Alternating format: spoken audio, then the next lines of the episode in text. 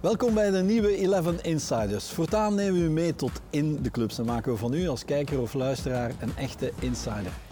We zitten vandaag in het huis van de leider in de Jupiler Pro League, Racing Genk.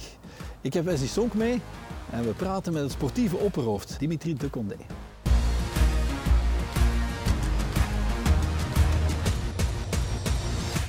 Welkom Dimitri. Hoe was het feestje na de wedstrijd van zondag? Rustig. Allee, voor mezelf toch? Nee, het was wel een, eh, een heel leuke sfeer. tijdens de wedstrijd ook erna. De overwinning tegen Brugge is altijd speciaal, dat, is- dat, dat is duidelijk. Hè? Maar eh, vanuit de sportieve mensen, wij, eh, wij staan er wel vrij nuchter in. Hoor. Ook met het programma wat eraan komt met vijf matchen, dus veel tijd om te feesten is er, is er helaas niet. Nee, wat vond je van de wedstrijd op zich? Ik vond het een, een aangename wedstrijd om te kijken. omdat er eigenlijk een beetje van alles in zat. Eh, intensiteit, emotie. Ehm, van onze kant uit vond ik het gewoon heel goed dat we eigenlijk vanaf minuut 60 eh, de druk zijn kunnen gaan opvoeren. En eh, wat ik ook heel sterk vond van ons was dat we na de, de 0-1 niet echt zijn, zijn panikeren. En ook bij de 1-1 van Cuesta, als ik de emoties op het, eh, op het gezicht zag, ik heb wel het gevoel dat onze ploeg niet panikeert en de boel onder controle heeft. Dus dat zijn dan vanuit mijn positie de dingen waar ik op let. En, en dat vond ik heel positief, ja. Ja, wat vond jij van die reactie van Genk? Eh, had jij dat verwacht, dat ze inderdaad zeiden van oké, niks aan de hand? Wel, als je zo voetbalt het hele jaar al, zou ik ook niet snel panikeren. Ook al eh, is het tegen Club Brugge. Eh, ik denk, we mogen niet vergeten, de eerste wedstrijd die Genk verloren heeft op Club. ehm, ja, was het ook wel te zien dat daar meer in zat in die wedstrijd. Ook het feit dat ze daar heel goed voetbalden. Ehm, dus dan weet je dat je zulke tegenstanders wel aan kan. ook al sta je op achterstand. Ehm, ik, eh, ik moet er ook eh, eerlijk toegeven, of moet dat ook eerlijk toegeven, dat als objectieve eh, toeschouwer dat het een heel leuke match was om te zien, omdat er ook alles in zat. Ehm, De emoties ook, hè? de ja, er nervositeit. zat heel veel emotie in. En, en ja, er zijn dingen die, die dan zondag gebeuren zijn waar je van denkt van hoe is dit nu mogelijk? Hè? Dat dat allemaal door de vingers kan, kan glippen. Maar, maar achteraf moet je toch wel zeggen dat... ja, dat het, de manier van spelen van, van Genk wel opgebracht heeft. Het rustig blijven, het balbezit, het druk naar voren zetten, kansen afdwingen. Ze hebben er ook tegen gehad, natuurlijk. Want als je op die manier speelt, dan geef je ook wel wat ruimte weg. Maar uiteindelijk denk ik, als Genk eh, zijnde, als de de Condé zijnde, eh, dat je het gevoel hebt van ja, we gaan dat hier eigenlijk eh, ja, tot een goed eind brengen. Dacht je, Dimitri, toen, toen die rode kaart niet viel voor Silla, het zal toch weer niet? Dat het een beetje de verkeerde kant uitgaat en dat het er wel tegen zit. En... Nee, ah, nee eigenlijk niet. ehm. Stel, stel ik heb een vraag. Stel dat dat gebeurt bij jullie. Zou je ook het gevoel hebben van ja, eigenlijk moet dat een rode kaart zijn? Eh, ja, ik vind dat een rode kaart moet zijn, sowieso. La- langs alle hebben kanten. dus, dat hebben dus alle mensen die Ja. dus in het voetbal zitten. Ja, Ik heb het ook aan de trainers gevraagd Ja. en aan andere mensen. Dus iedereen vindt dat. Ja. Ook al is bij je eigen ploeg, hè? Ja. voor Ja. alle duidelijkheid. Ja. Nee, en, en vooral de, oké, de tackle op zich. Eh, ik denk dat iedereen die gevoetbald heeft wel hetzelfde gevoel sowieso heeft. Maar eh, vanuit mijn functie, eh, ik ben ook naar beneden gegaan. Ik ben niet naar beneden gegaan om, eh, om met de scheidsrechter te praten. Maar ik was wel heel ongerust over, over Jozef Peinsel. En ik heb nog zo'n paar blessures gezien. En Malinowski destijds, Karelis hier, kruisbandletsel, Brian. En dat is het eerste wat door mijn hoofd ging. Ik zag dat hij niet opstond. En ik was echt in paniek. En, eh, en dan ben ik ook graag erbij als hij naar binnen wordt gedragen. Eh, dus dat is eigenlijk voor mij de, het onbegrijpelijke dat dit rode kaart niet wordt gegeven, absoluut. Maar dat is als voetbalman. Maar wel, eh, ja, ik, ik heb gewoon schrik voor, voor blessures van, eh, van, van een zware aard. En dat vind ik frappant in zo'n fase. Wat als die jongen nu effectief ik noem een kruisbandletsel had opgekomen, was dan de perceptie over de, hoe zo over die fase praten. En ik ben niet altijd mee met de nieuwe reglementeringen meer die de, die scheidsrechters ook meekrijgen, wat heel moeilijk is. Want alles begint een beetje uitgeschreven moeten zijn en alle regels worden gevolgd. Maar het gevoel eh, ja, overheerst nooit meer en dat, dat vind ik niet goed. Maar hoe was het gevoel geweest als die echt een zware blessure had gehad? En dat, ja, iedereen die gevoetbald heeft zal wel hetzelfde Nu ja, het, het referee department vond uiteindelijk ook dat het rood had moeten zijn, hè, voor alle duidelijkheid. Ja, ik. maar goed, ik, ik, ik keek ook naar hoe eh, Silla op dat moment viel. Hè, want Die had zichzelf ook... ja, eh, die had zichzelf ook heel zwaar kunnen blesseren. Dus niet alleen Peensel, maar zichzelf ook. Eh, ik denk dan nog altijd, gelukkig, dat Peensel op snelheid was. Want, Ja. want als je niet op snelheid bent, dan denk ik dat het veel erger had kunnen zijn. En hij raakte hem een be- beetje in de lucht, denk ik. Hij hing wat in de lucht, alleen ja, neerkomen weet je het ook niet. Dus, nee. eh, ja. Bon, in elk geval, niemand eigenlijk die niet op niveau was. En dat zou jou heel veel plezier hebben gedaan. En, en heb je dat ook zien aankomen eh, tijdens de week eh, op training dan bijvoorbeeld? Eh, nee. ja, er werd goed getraind, maar, maar ik ga dat niet... Kijk, iemand gelijk Arteaga hè, heeft ook een, eh, iets privé aan de hand gehad met een, met een klein accidentje in Mexico, waardoor hij denk ik pas vrijdag eh, eh, terug op de, op de club was. Ja, dan, dan ben ik wel wat paniekerig. Als ik dan denk hoe, hoe ik zelf als voetballer was. Ik had heel veel focus nodig in de week al. En als ik hem dan zag spelen, ja, hij was voor mij wel de exponent van... Ja, als hij dat kan brengen na twee dagen... eh, ja, is gewoon knap, maar heel de ploeg inderdaad, eh, het was knap. Ja. Zeven punten nu al hè, op Union, tien punten, nu nog altijd zeven punten, tien punten op Antwerp. Die twee moeten nog naar hier komen. Eh, Vijftien op Club Brugge. Iedereen begint nu te zeggen, wie houdt dit Genk van de titel? Mhm. Ja, dus...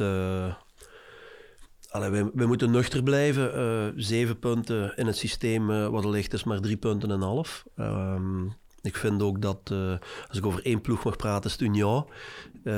En dan praat ik van in augustus, heb ik hier intern gezegd. Ik zeg, degene die boven Union eindigt, gaat voor mij dit jaar de landskampioen En zijn. waarop was dat gevoel gebaseerd dan? Op hetgeen wat ik zag dat zij brachten, ook op Europees niveau. Eh, ik vond het gewoon een enorm hoog niveau. De wedstrijd die zij in Leuven speelde, eh, heel zelfzeker. En ik vind dat zij gewoon een hele goede combinatie hebben van een ploeg die er staat, maar die nu ook is aangevuld met, met, met goede transfers, met een eh, Adingra, eh, ook iemand die op ons lijstje stond bijvoorbeeld, die eh, gewoon eh, via de samenwerking met Brighton daaraan wordt toegevoegd. Ja, dat maakt dat zij gewoon een, een, een supergoed geheel hebben. en, eh, en je voelt dat die vibe gewoon, gewoon heel goed zit. En dit weekend weer een Anderlecht, je denkt, ja, het gaat niet lukken. En zij zijn in staat om op 10 minuten de wedstrijd dood te doen.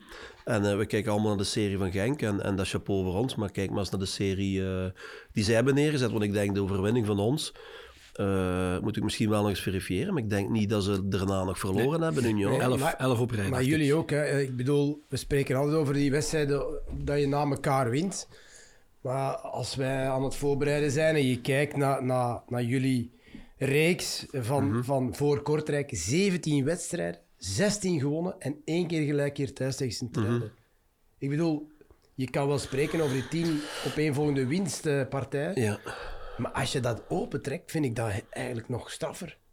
Ja, we zeiden straks tegen elkaar, je was er destijds ook fan van, maar dan moet je bijna naar het Barcelona van Guardiola terug om zo'n Ja, te vinden. hè? het, het is heel strafbaar. Wie, wie ik zei om niet te bevestigen hier dat dat geen, geen straffe serie is en dat dat, eh, ja, als, als we dat kunnen bevestigen, ja, dan denk ik ook dat wij titelkandidaat nummer 1 zijn. Alleen, eh, ik zit hier al een tijdje op deze post. Ik ben ook voetballer geweest. Ik weet ook hoe snel iets kan gaan. Daarmee waren wij allemaal heel tevreden naar Kortrijk. Hè? Want in Kortrijk, match kon ook alle kanten uit. Maar soms komen er kantelmomenten in een, in een seizoen die heel belangrijk kunnen zijn. En dit was een super cruciale om terug in die flow te vertrekken. Maar eh, wij moeten wakker zijn. Die vijf matchen komen eraan. Iedereen gaat tegen ons spelen als zijn. Dat is de ploeg die we willen kloppen. En last but not least, als je naar play-offs gaat met een puntendeling, dan komt de druk en het mentale er ook bij. Want als je dan nog bovenaan staat, heb ik ook met mensen van Club Brugge over gesproken. Ik denk één, twee jaar geleden, die toen dacht ik eh, acht punten voor stonden, wel op tien wedstrijden. En eh, die er niet in slagen om te winnen, puur door de druk dat zij voelden, wij kunnen alleen falen. Dus het is niet alleen het spel, er is ook het mentale wat je moet onder controle kunnen houden op bepaalde momenten. En ik kan niet zeggen nu, als we het geluk hebben, ik ga ervan uit dat we de play-offs halen. Of hoe, hoe, hoe, de, hoe, de, hoe de groep daarmee gaat omgaan. Ik zie heel veel facetten om te zeggen, we gaan er goed mee om. Maar uh, wait and see, denk ik. Hè. En het positieve is, er zijn vier wedstrijden minder in de play-offs. Zijn er maar zes, Uh, hè? is een heel groot voordeel, is een heel verschil. Het zijn maar 18 punten, hè. dus we weten dan ook thuiswedstrijden winnen, wat je net zegt, hè, Peter. Ook in de competitie, Antwerpen komt naar ons, Union komt naar ons. Dus dat kunnen ook sleutelwedstrijden worden in voorbereiding van de play-offs. Maar... Uh, is Want die anderen die moeten straks drie, vier keer meer gaan winnen dan jullie dan, hè? Zelfs in de play-offs, als het ongeveer zo zou blijven. Ja. Is heel moeilijk, dus dan gaan we een terugval moeten krijgen. Maar nogmaals, wij, wij zweven niet en dat hoeft ook totaal niet, dat is niet nodig. Maar je moet wel Uh, en dat doen we wel heel goed. Je moet wel zelfvertrouwen uh, kweken uit die wedstrijden van tegen Brugge. Niet arrogant worden, zelfvertrouwen. En uh, als ik dan onze, onze hoofdcoach hoor praten, die, dat is ook niet van vandaag, die zegt ja, van wie kunnen we verliezen? Van enkel van onszelf. Dat is denk ik ook wat hij bedoelt. Op het mhm. moment dat er twijfel in de groep komt door bepaalde factoren, een nederlaag in Kortrijk of een, een puntendeling die, ja, die de voorsprong kan verkleinen, ja, dan, eh, dan krijg je problemen. Dus dat is de uitdaging. Ja, maar de titel die mag uiteraard, hè, die is welkom. Maar wat moet straks voor jou, voor de club? dat, is, dat is een heel, heel moeilijke vraag. wat moet is dat wij moeten prijzen pakken.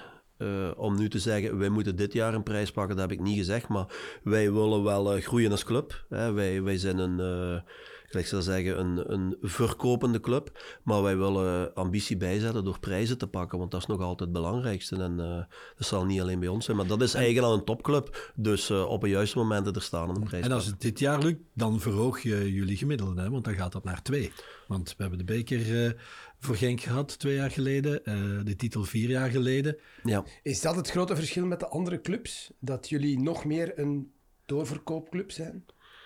Um, Omdat jullie nog altijd in een andere structuur zitten. Ja, structuur zitten? Ja, ja, ja dat, is, dat is absoluut een verschil. Hè. Dus we zijn, we zijn verplicht om, om te verkopen op bepaalde momenten, om, uh, om de boel te doen draaien. Maar we zijn er wel fier op dat we dat nog kunnen, hè, als enigste in België. Dus, uh, maar dat is wel een helse job om uh, de combinatie te maken tussen structuur behouden, ambitieus zijn, verkopen, spelers invullen, om op de top altijd mee te doen op een, op een hoog niveau in België. Dat is wel een uitdaging. Dat er wel meer dan de helft van de Belgische clubs intussen in, eh, minstens voor een deel in buitenlandse handen is. Ja. En dat dat straks een scheeftrekking in budgetten en concurrentie dus kan betekenen. Ja, de vraag is ook, hoe fier zijn jullie daar zelf op? Om in die structuur te werken en elke keer toch mee te doen bovenaan. Ja, ik denk dat, daar, dat dat de sterkte van de Tracing Genk uiteindelijk ook is. Hè. Ik denk, hè, de alle mensen die hier werken, ja, wij weten waar we staan. Ik zeg altijd, we moeten met minder minder mensen harder werken. Maar goed, de club heeft dat uh, in, de, in de geschiedenis bewezen dat ze dat kan. Uh, en het is een uitdaging om, uh, om dat jaar in na jaar uit te halen. En ook in, in de functie waar ik zit, waar veel meer eigenaars aan het komen zijn. Waar jonge gasten tegenwoordig door groeperingen worden weggeplukt. Hè. Die gaan een Manchester City groep, worden verhuurd. Dat is allemaal concurrentie die er vroeger niet was. Dus het is hard werken, maar ik ben wel overtuigd dat we het, dat we het kunnen blijven volhouden, ja. Wesley, vergelijk jij deze ploeg eens uh, met die waarmee Philippe Clément vier jaar geleden kampioen is geworden? Um, ja, ik uh, ken Wouter Franken een beetje en uh, we hebben samen onze pro-license gedaan. En daar zag ik toch al dingen terugkomen wat ik nu ook zie. De overtuiging waarmee hij een team kan leiden, de manier waarop dat hij dingen brengt, zeer belangrijk. En um, het strafste vind ik uh, dat hij jongens, en, en voor mij is dat het, het voorbeeld, een pencil ja, die jongen was helemaal weggeduwd in de vergeetput, maar... Bij, twee keer bijna langs de achteruitgang ook weg. Hè? Maar het straffen is, die jongen heeft een ongelooflijke kwaliteit in het moderne voetbal. Snelheid. Ik ga je zeggen, als je altijd zijn nummertje ziet op zijn rug, verschrikkelijk om achter te lopen, want hij, hij brengt altijd gevaar met die, met die kwaliteit. Mhm. Ehm, ehm, dus hoe dat, misschien Dimitri ook, dat weet ik niet, maar ook Wouter heeft gedaan om zulke jongens, ook Rozowski, anoniem, maar ik vind ook als je op die positie speelt en anoniem speelt en goed speelt, ja, dan ben je heel belangrijk voor een, voor een elftal. als een goed mhm. teken, inderdaad. Dus dat vind ik wel heel straf, hoe die jongens zich terug ehm, eh, ja, op een bepaald niveau hebben, hebben teruggevoetbald. Uh, ja, er staat, Chapeau, nog, staat nog altijd geen nieuwkomer in de basis. Hè?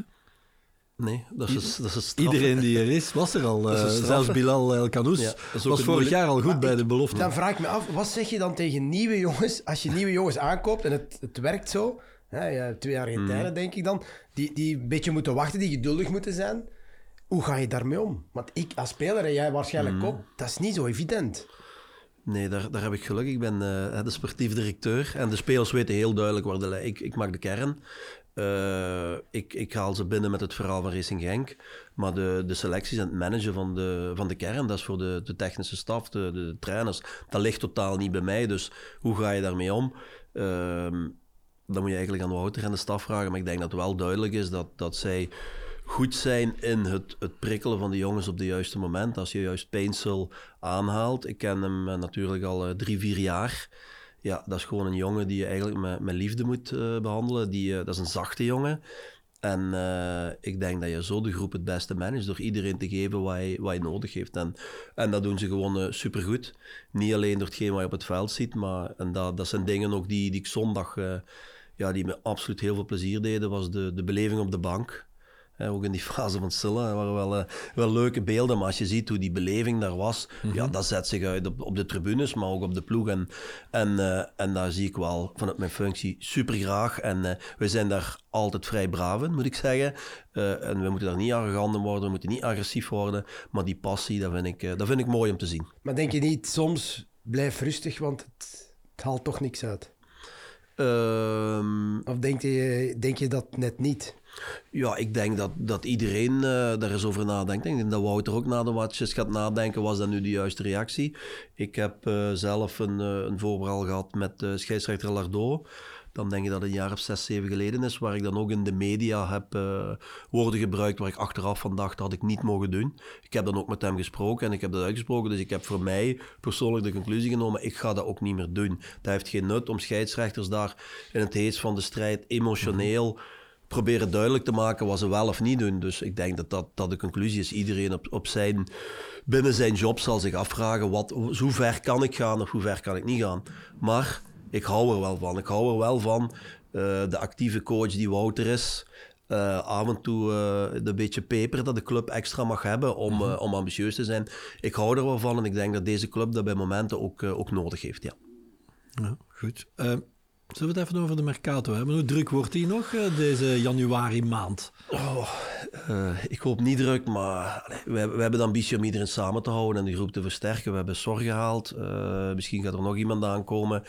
En wij, willen echt uh, iedereen bij, bij elkaar houden. En, en Polo Noachu heeft na de match een interview gegeven en dat ging alleen over Genk. Dus dat, dat maakt mij op dat moment een beetje rustiger. Maar ik heb geen, uh, geen glazen bril, maar de ambitie is absoluut om iedereen bijeen te houden. Ook een speler like Paul die super belangrijk is. Dus uh, op het moment dat er voor Paul iets concreet komt, zullen daar heel uh, moeilijke en zware gesprekken komen. Maar de, de, ambitie is wel hetzelfde. Hou iedereen nu samen. En, en laten we hopen dat we dan in, in, de zomer wel dingen moeten doen, de juiste dingen, maar niet op dit moment. Want dat is niet goed voor de club, maar ook niet, ook niet voor de trainers. Dus nu is er niks concreet rond Paul? Dat klopt, ja. ja. Maar ik vermoed dat, zoals jullie werken, uh, jij met Dirk Schoofs en het scoutingteam, dat de potentiële vervanger of vervangers, dat lijstje is bekend. En die is gescout, uitgebreid. Ja, maar om Polo Nomacho te vervangen, uh, en zelfs in januari of zelfs in de zomer, want ik zit daar constant, als ik in de tribune zit, naar te kijken. Oké, okay, we kijken naar het doelpunt, het beslissende doelpunt. Maar uh, de, de, de ballen die hij weghaalt met het hoofd bij, bij de hoekschoppen, mm -hmm. bij de vrije trap, dat is gewoon immens. Dus we hebben niet alleen de spits, we hebben ook een verdediger. Dus uh, Polo een watje vervangen en dat moment gaat ooit komen. Ik hoop zo liever heel laat, maar dat wordt uh, een helse job. Ja, ja goed, oké. Okay. maar als je dit nu ziet, deze ploeg, Dimitri, de situatie waarin jullie zitten, ze moeten eigenlijk nu oogsten, hè? want straks staan ze toch weer op de stoep. En Munoz was al eens bijna weg, speelt nu weer zeer sterk. Mm Onuachu, misschien ook wel Cuesta, die heel sterk is. Maarten van der Voort, wie weet. Uh, El Canoes, daar beweegt van alles. Straks staan ze hier uh, op de stoep, hè. wordt het ja. druk. Dus moeten ze eigenlijk dit seizoen gaan oogsten. Maar, weer. Ik denk dat je daar, daar, straks met je vraag al het antwoord hebt gegeven in de zin van, je weet, je bent een doorverkoopclub. Hè? Dus dat, dat wil zeggen dat je mensen aantrekt om later te met verkopen. winst te verkopen. Mm -hmm. Twee, het lijstje dat zal volgens mij ook al klaar zijn voor als er nu iets zou gebeuren, maar ook in de zomer. Mm-hmm. Wat mij eigenlijk ook logisch lijkt. Mm-hmm. Sommige profielen zullen moeilijker te vervangen zijn, dat denk ik ook wel. Maar langs de andere kant um, ja, is het zo, als je goed speelt zoals nu en er is succes, ja, dan komen er ook heel veel mensen. Ik denk dat er ook tijden zijn geweest dat er misschien iets minder mensen zaten in tribune voor bepaalde spelers. Dus ja. je moet altijd als, denk ik, als kleinere club altijd blij zijn dat er heel veel mensen komen kijken, want dan weet je dat je het goed aan het doen bent. Of dat je misschien potentieel hebt met Bilal bijvoorbeeld, dat je denkt van oké, okay, mm -hmm. daar kunnen we iets, uh, iets van krijgen. Zeg je formeel, uh, wat de voorzitter ook gezegd heeft, uh, ja. Bilal Kanous blijft sowieso nog anderhalf jaar bij Genk? Ja, dat is de insteek, ja. Dat is de insteek, dat is ook uh, vanaf de eerste dag zo afgesproken. Uh, maar stel, stel dat er morgen een club zoals Charles ja. de Ketelaar komt, 30, 35, 40 ja. miljoen Blijft dat dan anderhalf jaar of, of kan dat maar zes maanden? Het zijn de allergrootste clubs die intussen genoemd worden. Vandaag, Manchester vandaag City ja, en zeg ik gewoon uh, zwart-wit uh, nee. Omdat uh, ik vind ook het allerbelangrijkste. Kijk, een doverclub uh, doorverkoopclubs zijn. Ik denk dat iedereen in België dat is. Hè. Je ziet het ook bij Club Brugge, die het geweldig hebben gedaan. De interesse in de spelers groeit. Op een bepaald moment gaan zij ook verkopen. Anderlecht gaat het nodig hebben. Uh, Standaard, Gent, ik noem ze allemaal op. Antwerpen zal ook wel op een bepaald moment in dat ritme moeten gaan komen van, van er moet ook eens geld binnenkomen. Alleen de timing de timing van de verkoop zelf bepalen, dat kan de club sterk maken. En in dit verhaal bij Bilal, ja, als wij moeten gaan toegeven, en we zijn toch nog altijd een voetbalclub, hè, okay, als wij moeten gaan toegeven na één jaar aan, aan onze grootste talenten van 18 jaar, uh, dat, vind ik de, dat, vind ik, dat vind ik niet oké.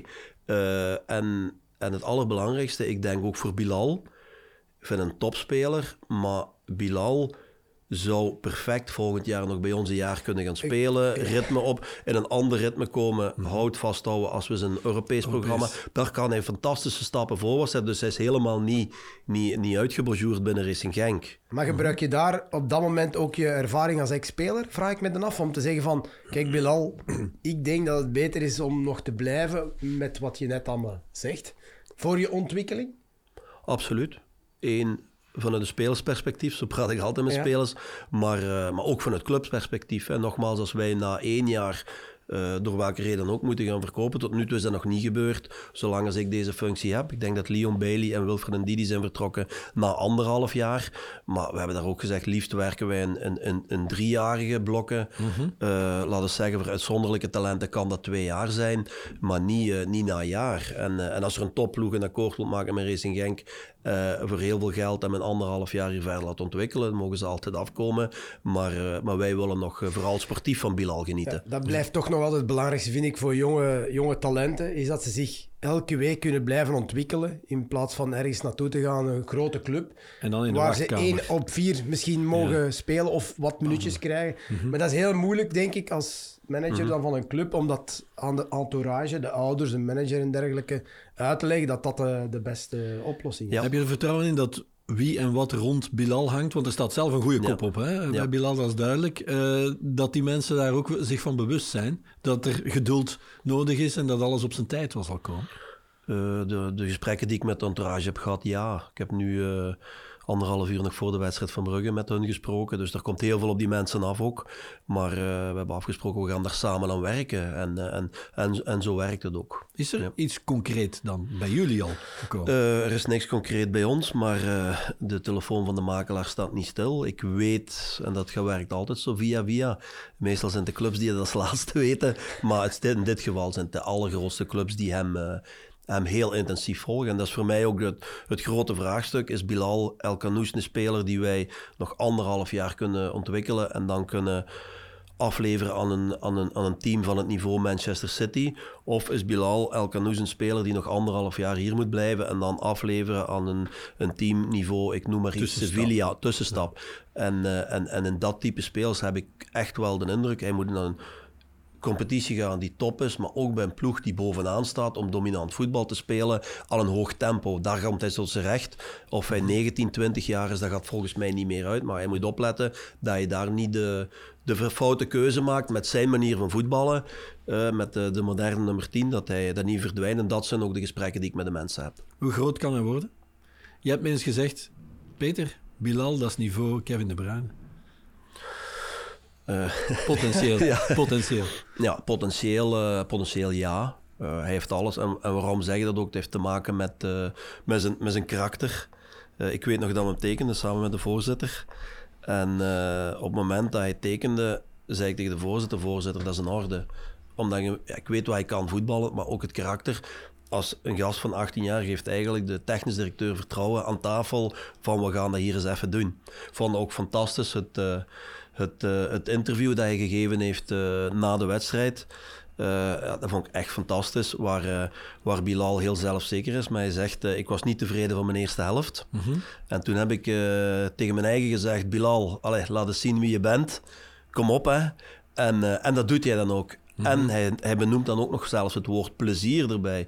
Ja, dat vind ik Los van alle overwinningen, van alle geld, alles wat rond het voetbal hangt. Dat vind ik fantastisch en dat vind ik het mooie van de speler Bilal, die, eh, die gewoon geniet van het voetballen. ja. Je sprak net over die constructie. Er is zo'n constructie met Maarten van der Voort gemaakt. Is er een kans dat hij deze zomer eh, toch al vertrekt naar Leipzig? Want ze hebben daar een beetje een doelmannenprobleem. Ehm, dat is een vraag die sinds gisteren hot is blijkbaar. Ik denk dat de technisch directeur van eh, Leipzig dat op tafel heeft gegooid. Ehm, ik heb een gesprek gehad een maand geleden waar dat eh, ontkend werd. Zij hebben de optie om hem eh, in de zomer vervroegd terug te roepen.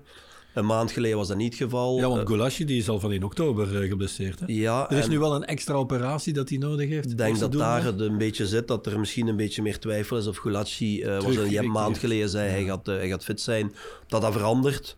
Eh, ik heb gisteravond een telefoontje gehad, gedaan, ze gingen mij op de hoogte houden. Dus eh, ook daar, eh, wij hopen nog een jaar extra, maar we hebben daar de sleutel aan niet in eigen handen. Nee, maar Maarten heeft wel stappen gezet ook dit seizoen. Hè? Goed seizoen bezig. Goed, ja, echt goed. Daaraan zie je ook maar, hè. vorig jaar ook moeilijk. En, en als je al die jonge gasten ziet hoe zij vandaag presteren, waaronder Maarten ook eh, een van de exponenten is de, de laatste maanden. Ja, ik, dat juich ik natuurlijk alleen maar toe, dat is goed voor onze club. Dimitri, we gaan een klein quizje doen. Een snel quizje. Negen vragen in, in maximum 90 seconden. Ja, Wesley, ik- jij houdt de tijd een beetje hè. bij. Ja. Eh, je moet zo snel mogelijk, eh, zoveel mogelijk goede antwoorden geven. Goed? Dus Dat je hebt maximum 90 seconden. Oké? Negen vragen daarin. Jij zegt wanneer we klaar zijn. Als u Goed. de eerste woorden Ah, uitspreekt. wel, dan- de tijd gaat nu in. Het hoeveelste officiële doelpunt voor Genk was het zondag voor Carlos Cuesta? Vijf, Twee. Tweede. Al, aan hoeveel goals zit Paul Onuachu dit seizoen competitie en beker samen? 23. 15, 14 plus 1. Ik ben Wie- optimistisch. Wie scoorde nog meer competitiegoals voor Genk dan Paul Onuachu en Wesley Song, die 2 en 3 zijn? Competitiegoals. Mag ik ook meedoen? Nee. Er kan maar één zijn. die- nee. Nee, Jelle, Jelle Vossen. Vossen. Op welk terrein kreeg Genk zekerheid over de tweede landstitel? Ehm, Op ons eigen terrein? Westerlo. Wat was het resultaat in de laatste bekerfinale tegen Standaard? Ehm 2-1. winst. Juist. Wie mooi. maakte het allereerste doelpunt voor Genk ooit in een Champions League groepsfase? Jelle ook. Wesley Sonk. Wie scoorde in de laatste campagne thuis tegen Liverpool? Met 90 seconden. Nou, nog kleine 30 seconden. Ja, eh Paul. Steven Oddey. Tegen welke twee clubs maakte jij je enige twee doelpunten voor Genk? eh Lierse. Ja, En die andere weet ik ook niet. in de beker tegen Kermt Hasselt. En de laatste, je moet snel zijn, noem de basisploeg eh, van de wedstrijd op Anderlecht Vijf. waarmee jullie, ja die mag je nog zeggen, waarmee jullie in eh, mei kampioen werden in 2019. De basisploeg. Nou, dat is een onmogelijke. Ik weet alleen eh, de actie van Brian nog. Nee, dat, dat kan ik echt niet. eh. Goed, ik zal het Goeie resultaat. zeggen. Vukovic, Melen, De Waas, Ja. Lukumi, Uronen, Bergen, Heine, Malinowski, Ito, Samatta, Trossard. Je hebt Ja. zoveel aan je hoofd dat je dit allemaal niet weet, Dimitri? Ja, om, om heel eh, concreet te zijn, dat is ook zo. Hè? Dus ik ben altijd bezig met de toekomst. En als je zelfs over mijn eigen carrière vragen stelt. Ik ken ook bepaalde fragmenten van, van mijn carrière, maar echt wel, eh, echt wel gewoon heel weinig. Eh, ook, van, ook van onze ploeg, omdat het in zo'n tempo gaat nu. Eh, aankoop, verkoop, wedstrijden. Dus nee, dat kan. Daar ben ik. Ken je de nieuwe club van Ruslan Malinowski? Marseille? Goeie keuze. Een beetje, ja, een beetje raar wel. Ik vond het ook altijd vreemd dat hij bij Atalanta altijd zo zweefde tussen, tussen basisspeler en, en toch als hij speelde toch veel verschil maakte. Dus misschien, ik, denk- misschien past hij wel beter bij Marseille, meer open voetbal toch wel. Eh, ja. Waar rangschik je hem in, in de lijst, de lange lijst van spelers die, die jij en eh, Dirk Schoofs eh, gehaald hebben in al die jaren? Puur specifiek naar, naar, naar traptechniek natuurlijk, naar vrij trappen, komen in de zone uit de tweede lijn, staat hij op nummer 1. Van hetgeen wat ik gezien heb, ja. Ja. Maar dat is de pure specifieke kwaliteit. Ja. Ja. Ehm, en wie is de beste, vind je, die je gehaald hebt? Eh Pozzuelo. Toch nog altijd, uh, ja, ja, nog altijd. Uh, natuurlijk, dat is ook een beetje persoonlijk. Hè. Ik, ik hou van die types. Ik hou van, van Pozzuelo, uh, de type Bilal. Dat, dat, dat, is, dat is persoonlijk ook een positie waar ik vroeger speelde. En als ik zie hoe extreem goed die zijn en hoe gemakkelijk ze alles maken, ik hou daarvan. Ja. ja in welke mate volg je de, de spelers die vertrokken zijn de voorbije jaren nog?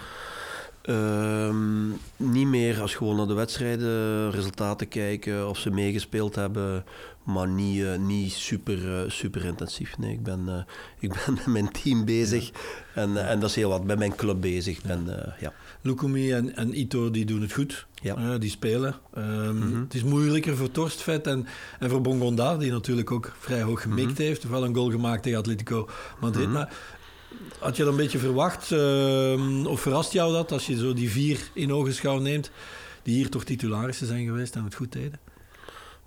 Nee, voor mij zijn dat geen verrassingen. Hè. Ik vond Christian is een, uh, in een team gekomen wat ook niet goed draait. Uh, Sassuolo, wat, wat, wat heel, uh, een team wat heel tactisch speelt, typisch Italië.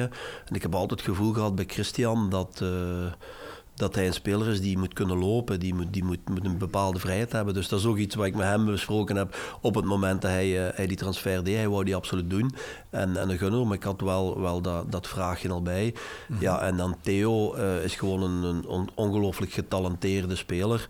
Maar, uh, maar in Spanje ben ik zeker van lopen wel, wel op het, vooral op het voetbaltechnische niveau, heel veel spelers die, die hem benaderen of zijn evenknie zijn. Dus hij kan daar niet verschil maken volgens mij met een andere kwaliteit die in Spanje uh, wel rondloopt.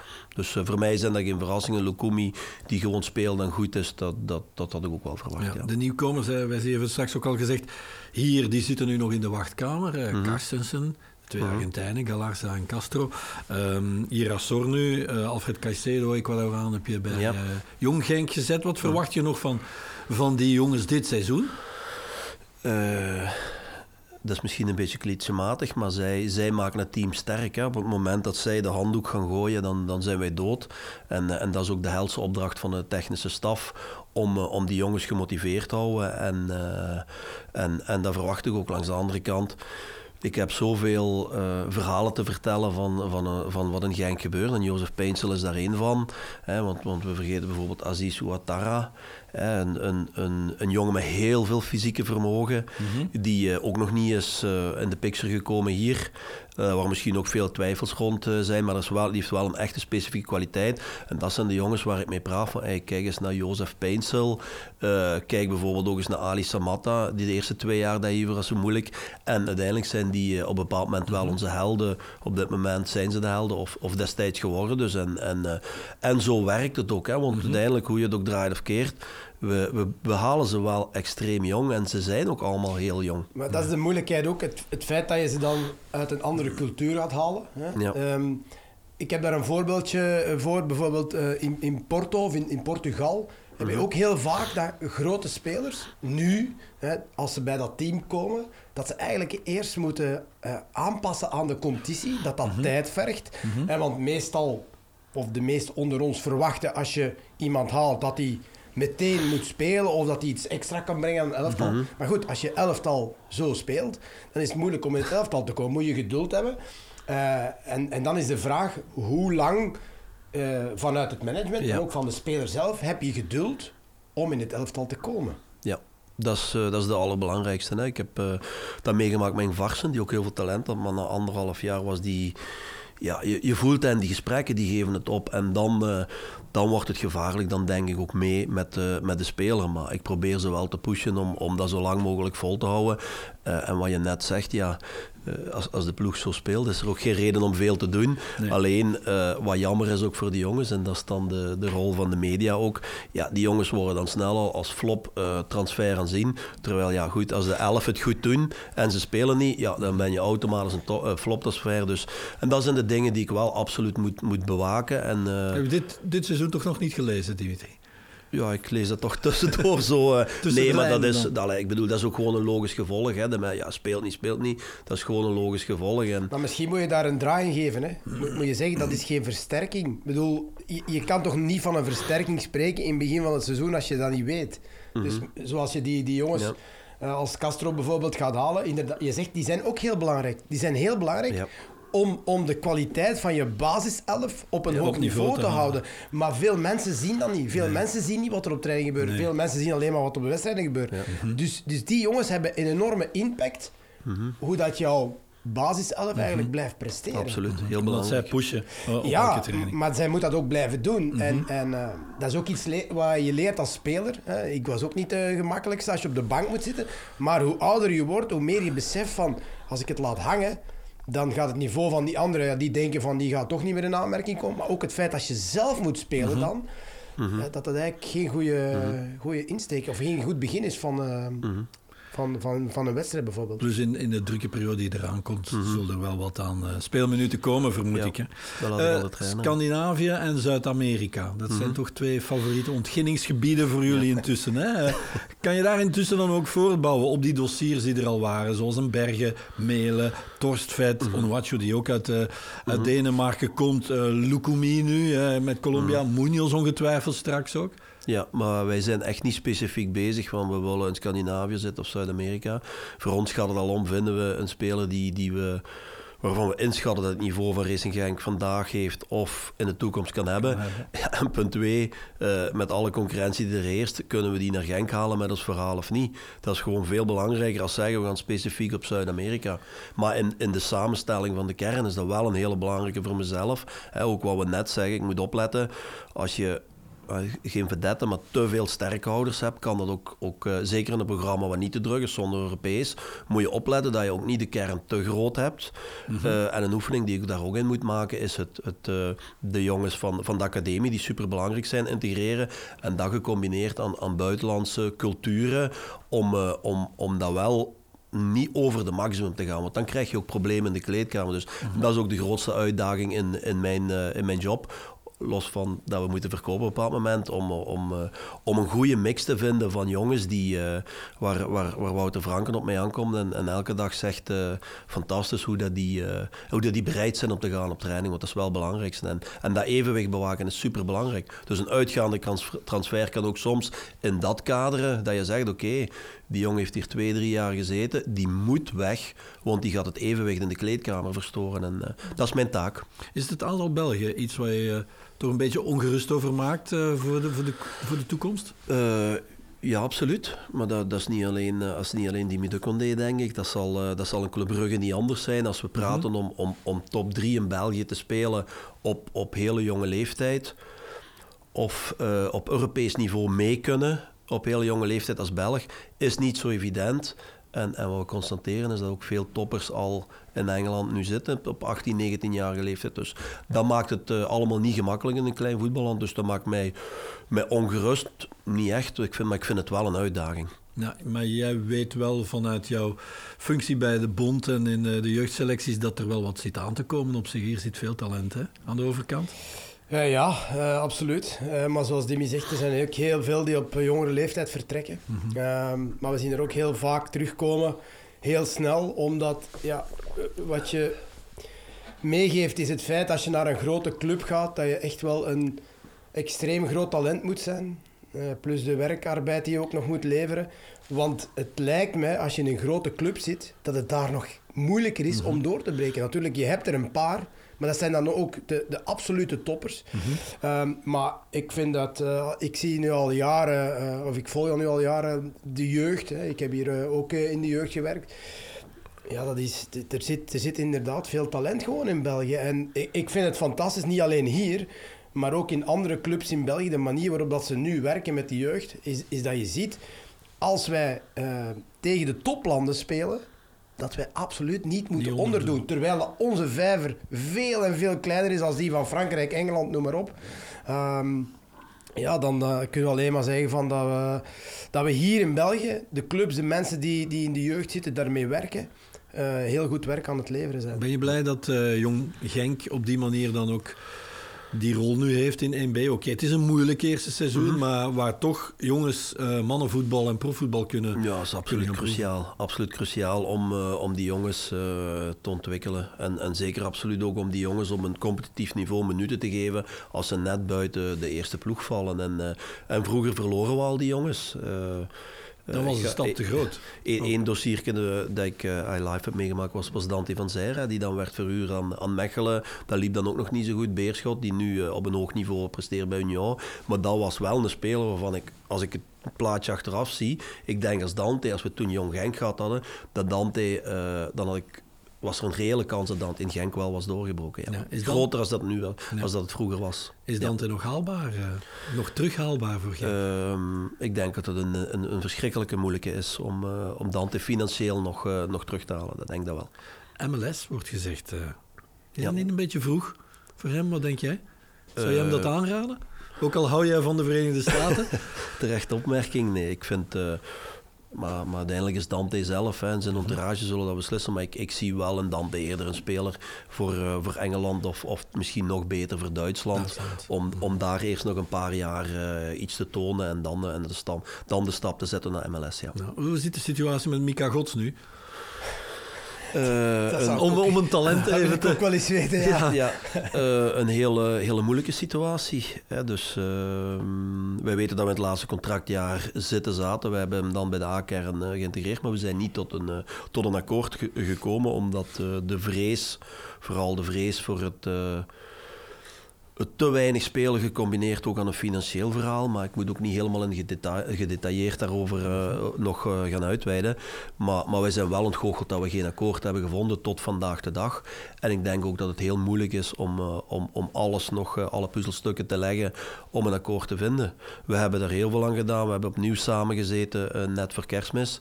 En dus echt ons best gedaan als club, hè, ook bij Anders Nemet. Maar, uh, maar ook dat, dat probeer ik ook wel vanuit, vanuit mijn job.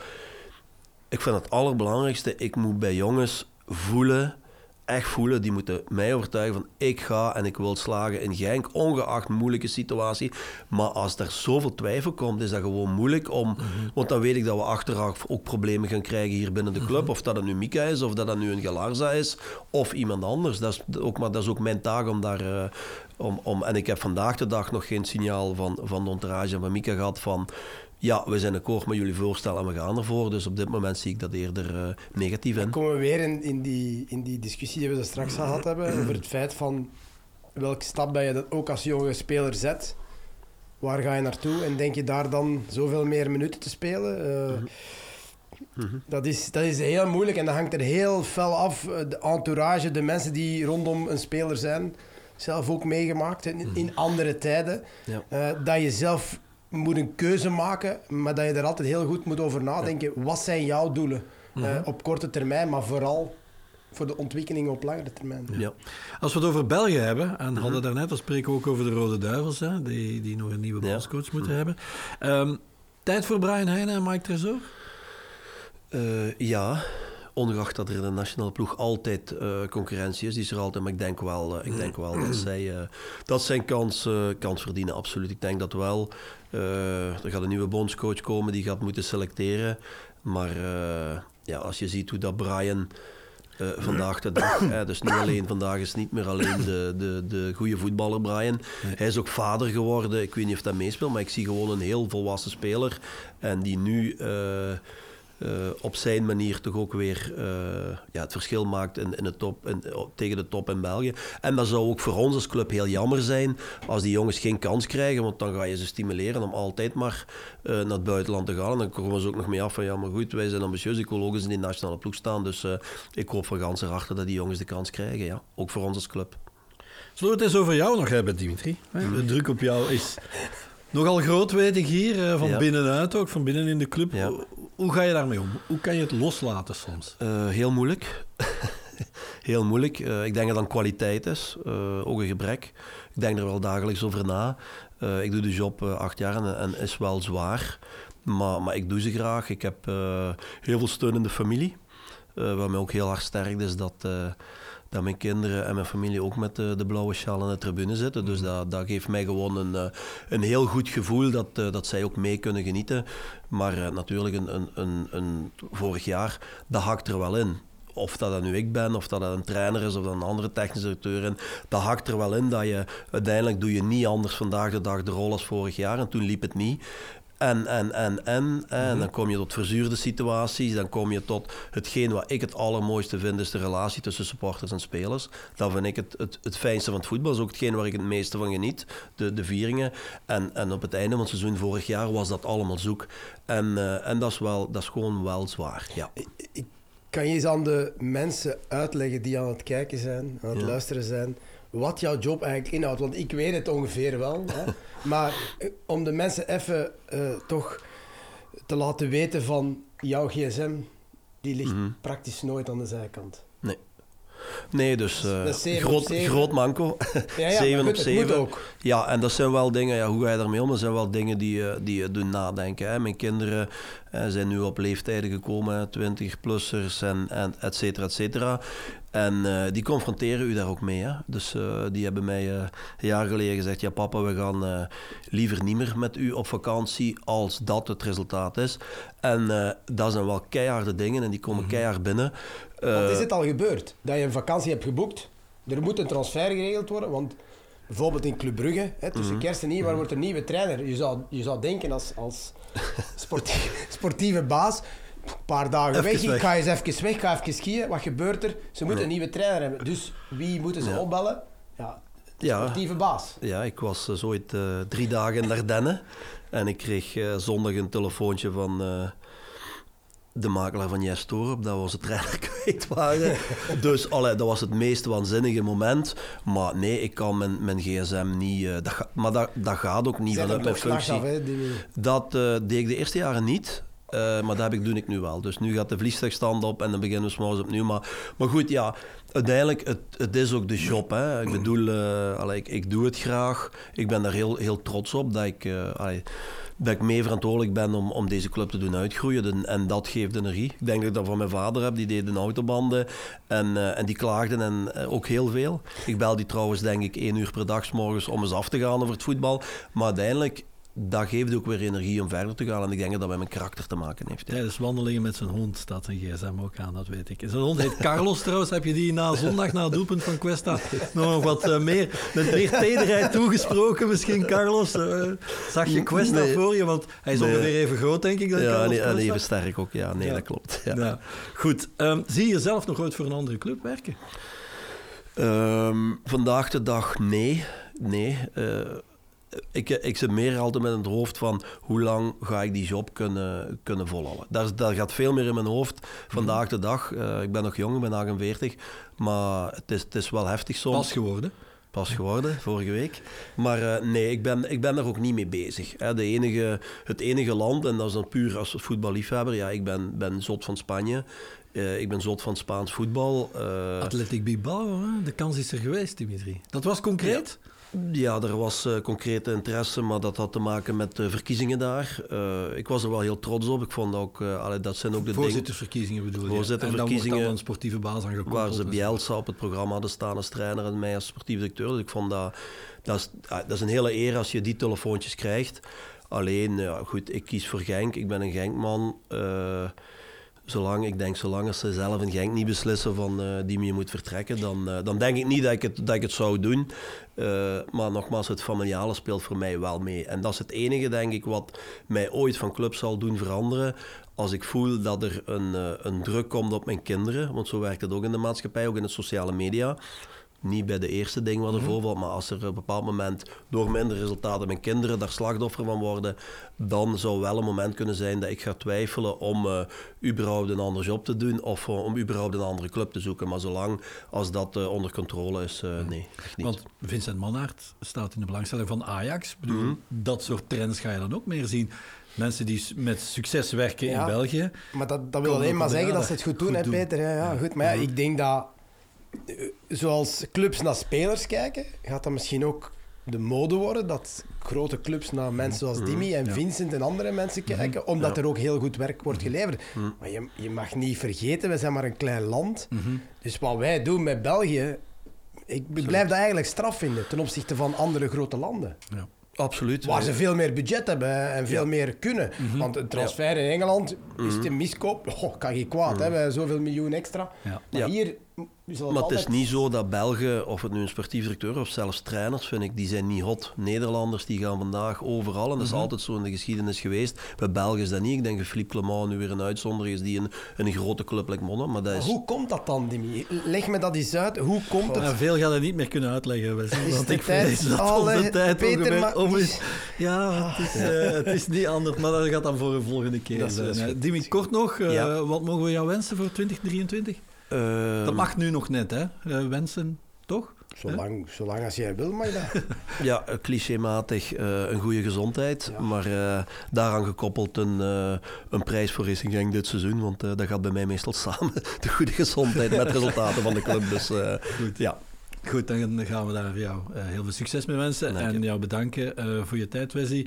Jij ook bedankt. En u, kijkers en luisteraars, ook bedankt. En graag tot een volgende 11 Insiders.